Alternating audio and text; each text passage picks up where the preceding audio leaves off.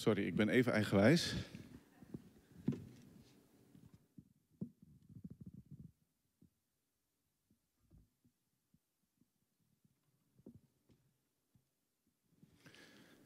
Ik ben nog alleen onhandig, dus dit is het eerste wonder van vandaag dat dit goed is gegaan. Ehm, als ik dat had geweten, ik, ik las een keer een heel grappig Facebook-bericht. Uh, iemand die vertelde uh, dat hij jarenlang die hele strakke plasticjes om de vaatwastabletten had weggeprutst. En dat ging met heel veel moeite. En op de dag dat hij uh, deze post op Facebook zette, had iemand hem dus verteld maar bij die vaatwastabletten hoef je dat plasticje er niet af te halen, want die lost op in water. Die kan je gewoon zo in de vaatwasser doen. Als ik dat had geweten, schreef hij, dan had me dat jaren van heel veel moeite geschild. En ik weet niet of jullie dat herkennen. Uh, ik er wel. Soms gaat dat door je heen. Als ik dat had geweten, dan had ik veel eerder dat gedaan. Of dan had ik veel, veel vroeger dat opgepakt. En soms gaat het natuurlijk ook de negatieve kant op. Dan was ik veel eerder gestopt met en vul het maar in. Maar als ik dat had geweten. Ik hoop dat het vandaag de positieve kant op gaat. Dat je na vandaag zegt. Als ik dat had geweten, dan was ik veel eerder, dan was ik veel meer, dan was ik veel intensiever gaan Bijbel lezen. Want dat is waar ik het vandaag over wil hebben. Over de Bijbel. Ik, ik proef vaak om me heen dat er gewoon heel veel verlegenheid is met de Bijbel en met Bijbel lezen. Ja, ik snap toch nooit wat ik lees, dus ik ben er maar mee gestopt. Waar moet ik beginnen? Ik zou graag meer kennis willen opdoen, maar ik heb er geen tijd voor. Of als iemand eerlijker is, ik maak er geen tijd voor. Wat ik ook hoor is, de Bijbel is achterhaald, saai, ouderwets, niet van deze tijd. De schrijvers van toen die wisten veel minder dan wij nu vandaag de dag. Dus die woorden die doen er niet meer toe. Die zijn niet meer relevant. Je hoort ook mensen die, die zeggen van, nou volgens mij heb je een theologiestudie nodig om de Bijbel te kunnen luisteren. En ik geef meteen toe, er zijn schrijvers en theologen en sprekers die inderdaad graag doen voorkomen alsof je een bijbels-theologische opleiding nodig hebt om de Bijbel te lezen. Nou, spoiler alert, ik geloof daar helemaal niks van. Ik geloof niet dat je dat nodig hebt om de Bijbel te gaan lezen. Er zijn dus allerlei gedachten en ervaringen en gevoelens bij de Bijbel die tot hindernissen kunnen worden om de Bijbel te gaan lezen. En ik wil vandaag een, een aantal overtuigingen neerleggen over de Bijbel, waardoor je hopelijk meer dat boek gaat oppakken. Allereerst, de Bijbel lezen is omgang hebben met God zelf. De Bijbel lezen is omgang hebben met God zelf. Het is heel, heel belangrijk om dat diep van binnen te beseffen. Dat als je de Bijbel leest, dan ben je niet zozeer over God aan het lezen. Of je leest niet zozeer over de geschiedenis van God met mensen. Je leest niet over de liefde van God, maar als je de Bijbel leest, dan ben je met God in gesprek. Dan zie je dat je deel uitmaakt van de geschiedenis van God met jou, met alle mensen, met deze hele wereld. Dan ervaar je in een relatie met God zijn liefde. Je hebt omgang met God. En ik ben eerlijk, ik besef dat zelf niet altijd even goed. Er zijn dagen dat Bijbellezen voelt als een verplicht nummertje.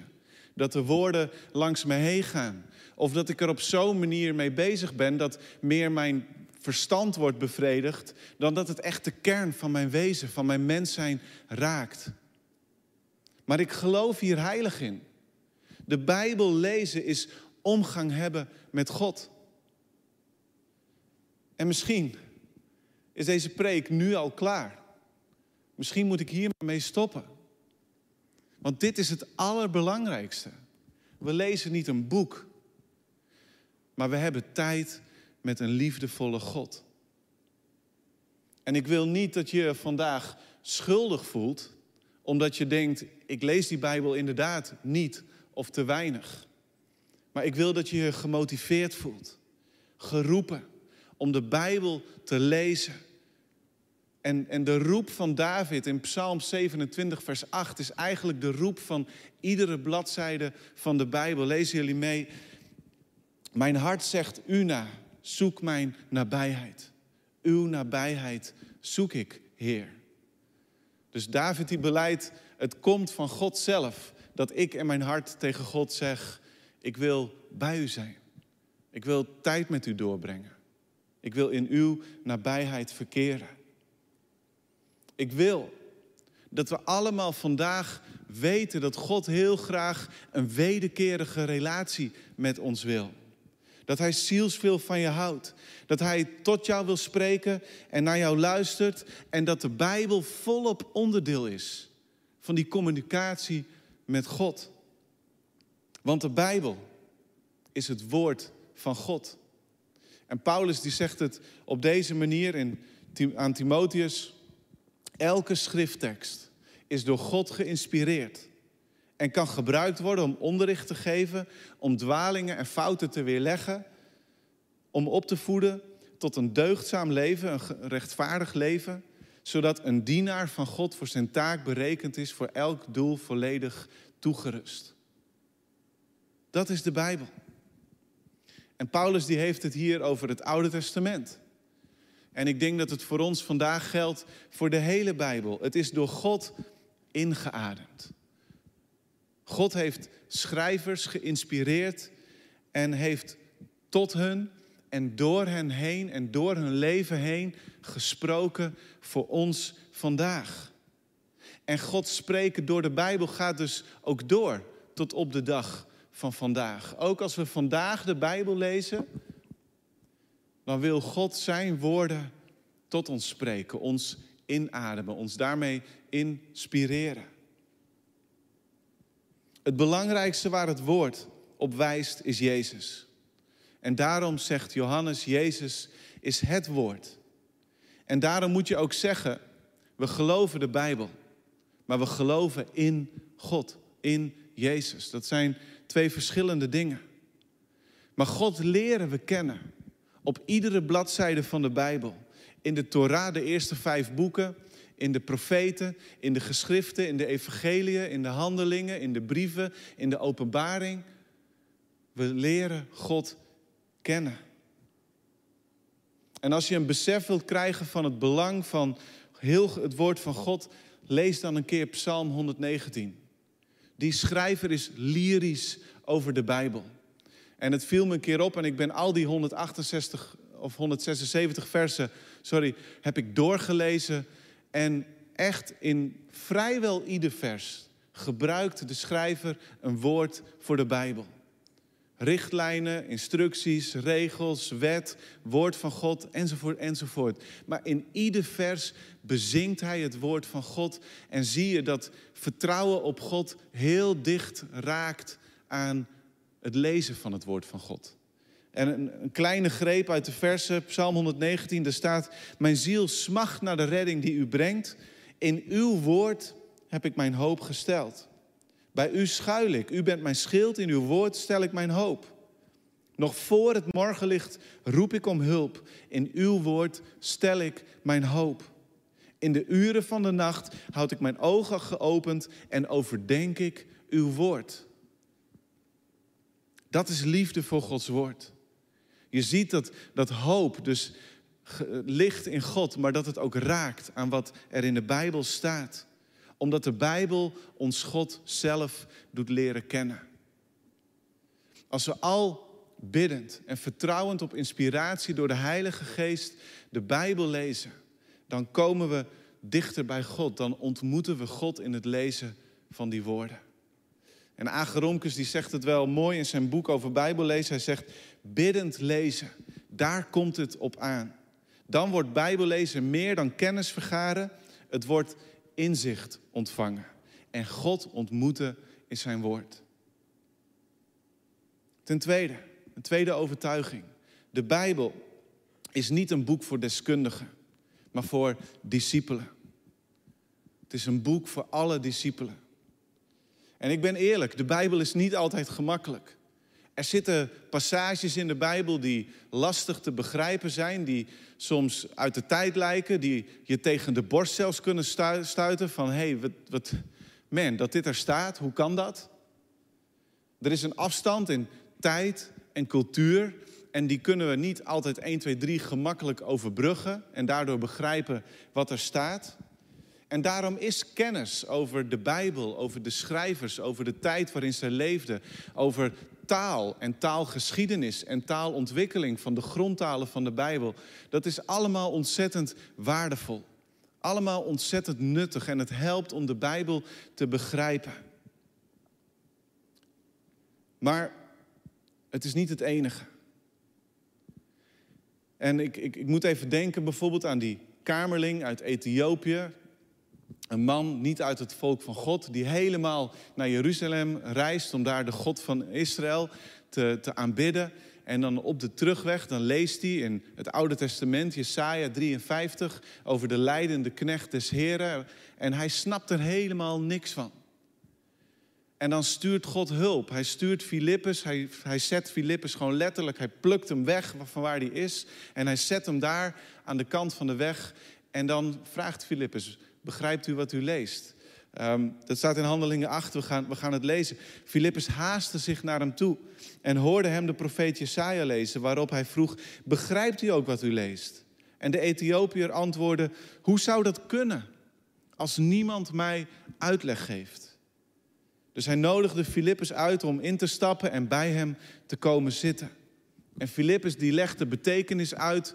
De kamerling komt tot geloof en bij het eerste water wat ze tegenkomen, laat hij zich dopen. Geen uitstel, maar hopsakee, direct de eerste stap zetten. Dus het is soms lastig om de Bijbel in één keer te begrijpen, dat geef ik toe. Maar laat je alsjeblieft daardoor niet ontmoedigen om de Bijbel te lezen door een gebrek aan kennis. Vergelijk het met schaken. Als je het leert, dan ken je al heel snel de verschillende stukken, welke moves ze mogen maken. En dan kun je gaan schaken. Een kind kan het doen. Maar dat is een heel ander niveau van schaken dan schaken van een grootmeester. Die jaren achter elkaar alle strategieën en, en moves en partijen analyseert, bekijkt, doorspeelt om tot, tot het beste mogelijke resultaat te komen. Maar een kind kan schaken zonder dat hij grootmeester is. En zo is het ook een beetje met de Bijbel. Niemand leert in één dag schaken als een grootmeester. En zo kost het ook jaren om laag voor laag dieper de Bijbel in te duiken. Maar je kan schaken. En je kan heel snel Bijbel lezen. Alles wat je ervoor nodig hebt is kunnen lezen. Onze oudste zoon van zes jaar, die zit in groep drie, die leert nu lezen. En de laatste tijd aan, aan, aan tafel leest hij vaak de Bijbel, zijn kinderbijbel. Mijn mooiste Bijbel die hij van de kerk heeft gekregen. Super. En hij leest dat. En begrijpt hij dan alle diepere lagen van wat hij leest? Ziet hij meteen de, de verbindende thema's door de hele Bijbel? Begrijpt hij ieder woord? Nee, natuurlijk niet. Maar hij leert de verhalen kennen. Je hoeft niet alles te begrijpen om toch de waarheid van het evangelie te, te pakken. En je hoeft niet alles te snappen om toch de kern te pakken te krijgen. En ik wil niet dat je na deze preek besluit om theoloog te worden, maar een kind van God. Dat met zijn of haar vader in gesprek gaat. Ik, ik wil niet dat je direct een deskundige wordt, maar ik gun je dat je een discipel van Jezus bent. Die gaat groeien in een leerling, een volgeling, een vertrouweling van Hem te zijn door de woorden te lezen zoals ze er staan. Begin bij laag 1. Gun jezelf de tijd om langzaamaan dieper af te dalen. Pak de Bijbel op. En als je niet weet waar je moet beginnen, ik denk dat vandaag mijn advies zou zijn: begin in de Evangelie. De schrijver van de Hebreeënbrief die zegt namelijk: op velelei wijze en langs velelei wegen heeft God in het verleden tot de voorouders gesproken door de profeten. Maar nu de tijd ten einde loopt, loopt heeft hij tot ons gesproken door zijn zoon. Als je leest over Jezus, als je Jezus leert kennen in, in de evangeliën, dan werpt dat een licht op de hele Bijbel. Dus ik zou zeggen, begin daar. Je mag ergens anders beginnen. Je mag in Genesis beginnen. Weet je, dit is niet een advies van dit is wat je precies moet doen. Maar door Jezus, in Jezus, het woord van God, leren we het woord kennen en begrijpen in zijn geheel. Ten derde, de Bijbel is niet uit de tijd, maar het is tijdloos. We gaan echt een grens over. Wanneer we met al onze 21ste eeuwse wijsheid besluiten dat de Bijbel niet meer of niet meer in zijn geheel van deze tijd is. Goede uitleg van de Bijbel betekent absoluut dat je moet kijken naar de betekenis toen en dan naar de betekenis van nu. Je moet bewust een brug slaan naar nu. Maar dat mag nooit hetzelfde zijn als vervolgens van het ene gedeelte zeggen: Nou, dit is mooi, dit spreekt me aan, hier kan ik wat mee. En tegelijkertijd van andere Bijbelteksten te zeggen: Weet je wat, veel te ingewikkeld, uh, bots met onze cultuur. Volgens mij is dat gedateerd. Zo kan je niet met de Bijbel omgaan. Paulus die zegt dit. Romeinen 15, vers 4. Alles, alles wat vroeger is geschreven, is geschreven om ons vandaag te onderwijzen. Opdat wij door te volharden en door troost te putten uit de schriften zouden blijven hopen. Dat is best wel heel erg interessant. Paulus die zegt eigenlijk alles wat vroeger al werd geschreven, is ook geschreven met het oog op ons vandaag.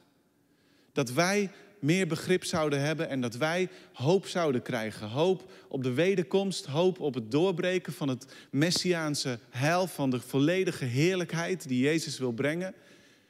Maar al die woorden zijn daarvoor opgeschreven.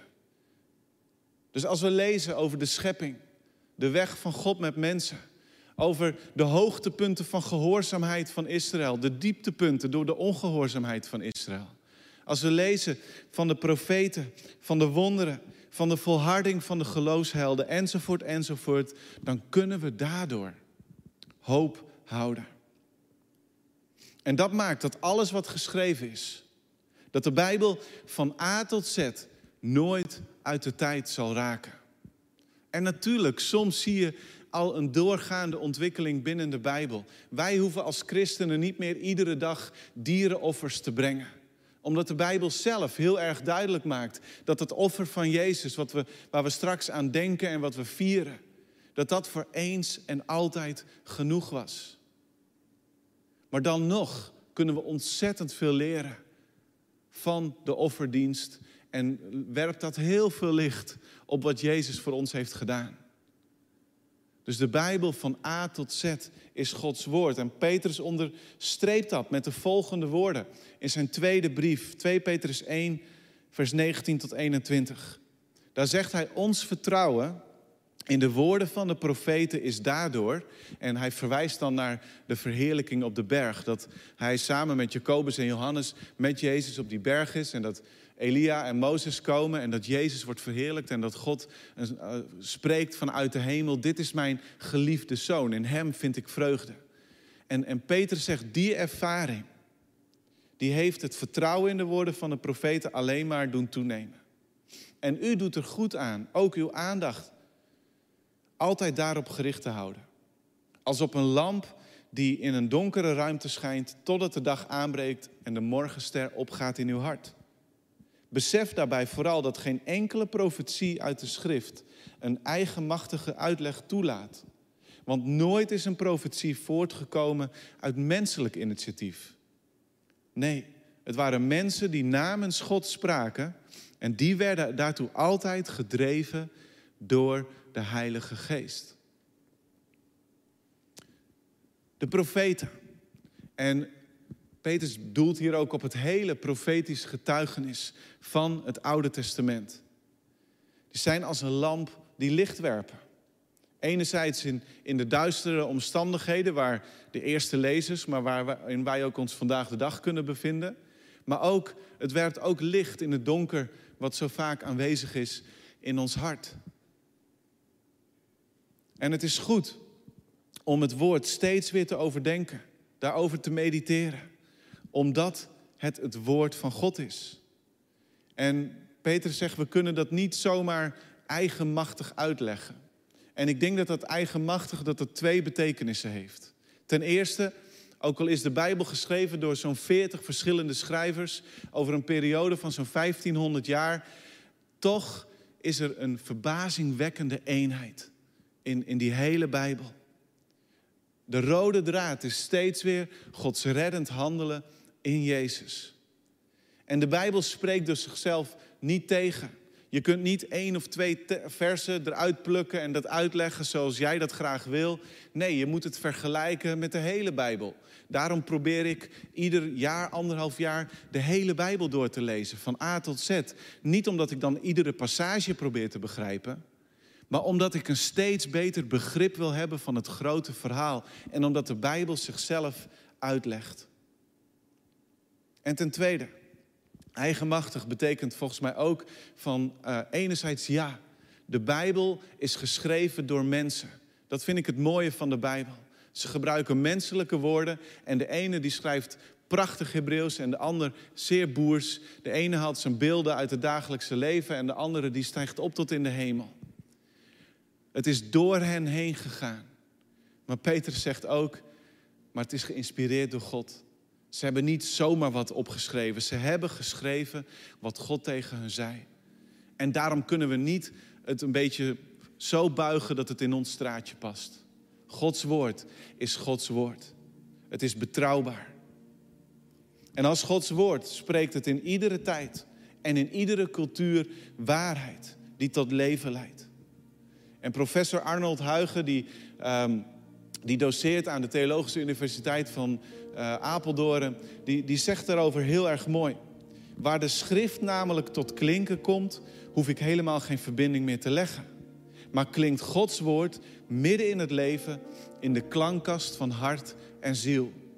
En, en daarmee bedoelt hij dit. We doen soms zo ontzettend ons best om een verbinding te maken tussen, tussen de Bijbel en onze huidige werkelijkheid. Dat we soms vergeten, omdat we zo technisch bezig zijn, dat het God is die tot ons spreekt door zijn woord. En dat maakt het altijd relevant. Dat maakt het altijd actueel. Dat maakt het altijd iets wat we kunnen en moeten toepassen, waar we van kunnen leren. Waar we ontvankelijk, om met de woorden van Nicola van vorige week te spreken, ontvankelijk naar te luisteren. En als laatste puntje. De Bijbel begrijpen en toepassen doe je samen. Ik wil daar kort over zijn. En je zag het eigenlijk al in het verhaal van de kamerling die geholpen wordt door Filippus. Maar we hebben elkaar nodig om de Bijbel te begrijpen. De Bijbel is altijd bedoeld om doorverteld te worden. Weet je, eerst de eerste woorden stonden niet eens op schrift, maar mensen leerden ze uit het hoofd en gaven ze door in de gemeenschap om er met elkaar, met jong en oud, over te spreken en te discussiëren. En dat is hoe je de Bijbel leert. Dat is wat je ziet uh, als, als de eerste Pinksterdag er is en, en de kerk wordt geboren, waar we net over zongen. En dan zie je dat er 3000 mensen tot geloof komen. En dan staat er in Handelingen 2: degenen die zijn woorden aanvaarden, lieten zich dopen. En op die dag breidde het aantal leerlingen zich uit met ongeveer 3000. Ze bleven trouw aan het onderricht van de apostelen. Vormden met elkaar een gemeenschap, braken het brood en wijden zich aan gebed. Maar het is zo waardevol en goed om iedere dag zelf de Bijbel te lezen en daarnaast het samen te doen. En daarom preken we, daarom hebben we diensten, daarom mag je geen samenkomst missen, daarom hebben we connectgroepen, daarom bieden we cursussen aan, daarom kun je daaraan meedoen en hoop ik dat de Bijbel daar open gaat en dat je er met elkaar over in gesprek gaat en dat je met elkaar de kern van de boodschap van heel het woord hoort. God houdt van jou en God is gericht op jouw redding. God wil jou leven geven. Door de Bijbel leren we God, onszelf en elkaar beter kennen. Dus doe de Bijbel open. Doe de Bijbel open. En tussen neus en lippen door heb ik misschien een, een, een aantal hele kleine tools uh, genoemd om de Bijbel te lezen. Maar meer dan tools wil ik je vandaag motivatie geven. Als ik dat had geweten over de Bijbel. Als ik had geweten dat door iedere letter God zelf met mij spreekt op dat moment. Ik heb relatie met God. Een relatie van liefde, van wederkerigheid. Het zou niet best zijn als ik de hele dag alleen maar tegen Eva praat en zij nooit de kans krijgt om terug te praten. En dat is wat God niet wil. Hij spreekt tot ons, we mogen luisteren naar Hem en we mogen terugpraten. En Hij luistert naar ons. En als je weet dat lezen eigenlijk luisteren is, een relatie opbouwen. Als je weet, God heeft de Bijbel gegeven als een boek voor discipelen. Mensen die stap voor stap dieper mogen gaan. Maar ze mogen gewoon aan het begin beginnen. Het is niet erg als je iets niet begrijpt. Als je weet het bevat Gods betrouwbare, tijdloze woorden aan jou, over jou, over deze wereld, over zijn liefde voor jou. En als je weet, samen met zoveel mogelijk andere gelovigen, ga ik dit veel beter begrijpen. Dan hoop ik dat je een begin, een doorstart of een verdiepende stap zet in het lezen van de Bijbel zullen we met elkaar bidden. God, ik dank u wel dat u een sprekende God bent en dat u hebt gesproken door de profeten en door koningen en door discipelen, door evangelisten. Heer, en ik dank u wel dat dat spreken doorgaat tot op de dag van vandaag. Ik dank u dat uw woord levendig en krachtig is. En dat u door uw woord met ons in een relatie wilt leven. En ik wil je vandaag ook de kans geven om, dat, om daar een begin mee te maken. Om God te leren kennen. Hij houdt zielsveel van jou. Hij wil met jou leven. Hij wil je hoop geven. Hij wil je vergeven. Hij aanvaardt je. Als je, als je Hem wilt leren kennen vandaag, bid dan gewoon kort met mij mee. Lieve Jezus, ik dank u wel voor uw liefde. Ik dank u wel voor uw offer aan het kruis. Ik dank u wel dat u door te sterven mijn leven hebt gegeven. En ik wil een nieuw begin maken, samen met u. In Jezus' naam. En God, ik bid voor ons allemaal dat we van, vanmiddag, vanavond, morgenochtend de Bijbel zullen pakken. En dat we zullen ervaren dat we dichter bij u komen en meer met u gaan leven. Als we die woorden gewoon lezen zoals ze er staan. En God wilt u ons mensen op onze weg brengen om ons te helpen waar we, waar we de diepte in willen. Waar we het beter willen begrijpen. Maar God, ik bid dat we gaan schaken. Op de meest eenvoudige manier. Ik bid dat we gaan Bijbel lezen. Dank u voor uw woord. In Jezus' naam. Amen.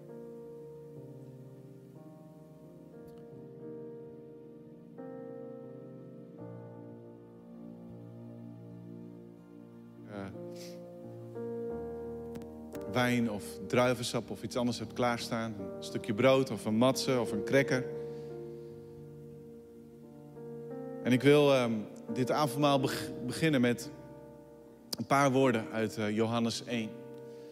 Een van de evangeliën. En uh, vanaf hoofdstuk 13 wordt het avondmaal daar beschreven. Ik denk misschien wel, wel de mooiste versie van hoe het avondmaal tot ons komt. Zo ontzettend rijk en diep. En Jezus die wel overwogen, vastbesloten dat avondmaal gaat vieren, wetende waarop het gaat uitlopen.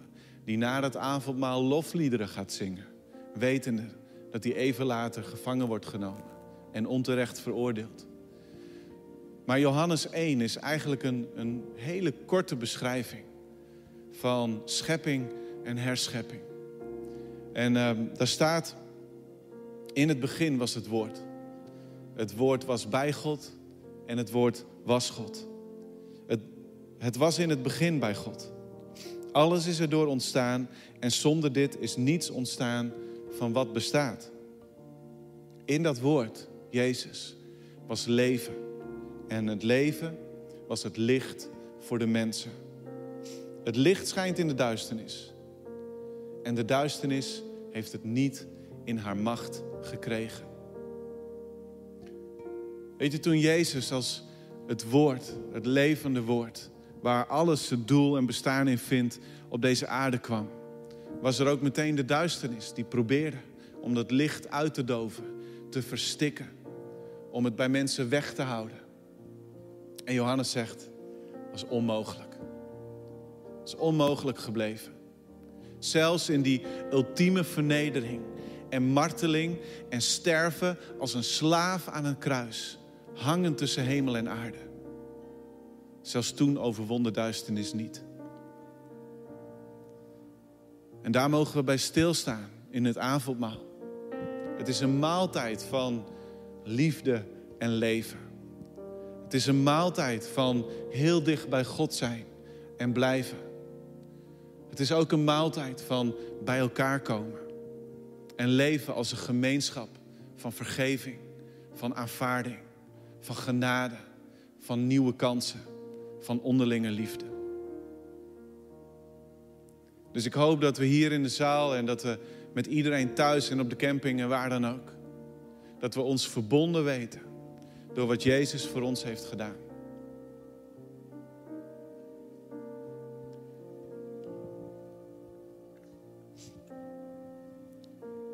Jezus die vierde het avondmaal met zijn discipelen. En uh, je mag het brood erbij pakken. Er staat dan in Lucas 22. En hij nam een brood en sprak het dankgebed uit. Brak het brood, deelde het uit en zei: Dit is mijn lichaam. Dat voor jullie gegeven wordt. Doe dit telkens opnieuw om mij te gedenken. Jezus, dank u wel voor dit brood. Dat het ons doet denken aan uw lichaam. Heer, en in dat lichaam hebt u al onze ongerechtigheden, alle viezigheid, alle falen, hebt u weggedragen aan het kruis. U hebt het zo ver weggedaan als het oosten is van het westen. En we danken u daarvoor, voor dit brood wat we in onze hand hebben. We zegenen het in Jezus' naam. Neem, eet. Dit is het lichaam van Jezus.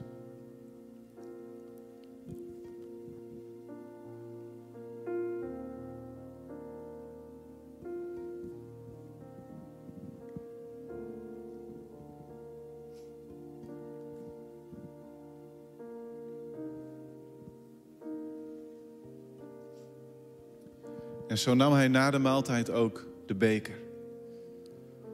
En zei, deze beker die voor jullie wordt uitgegoten, is het nieuwe verbond dat door mijn bloed gesloten wordt. Zullen we met elkaar stilstaan bij het bloed van Jezus, wat ons schoonmaakt, witter wast als sneeuw.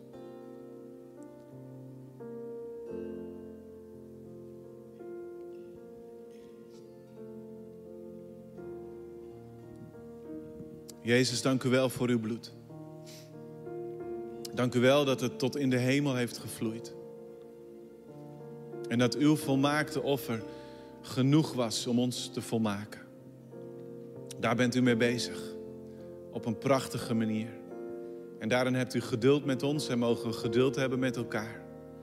Maar u brengt ons naar dat moment. Dat we volledig zullen lijken op u. En ik dank u wel, Heer, dat op die weg daar naartoe, dat we dat samen mogen doen met u en met elkaar en door uw woord, wat getuigt van het woord. Amen. Zullen we met elkaar zingen? Zullen we gaan staan? Zullen we thuis uit ons dak gaan? Zullen we vragen opwekken bij iedereen om ons heen? Omdat we Jezus willen aanbidden en eren voor wat Hij heeft gedaan.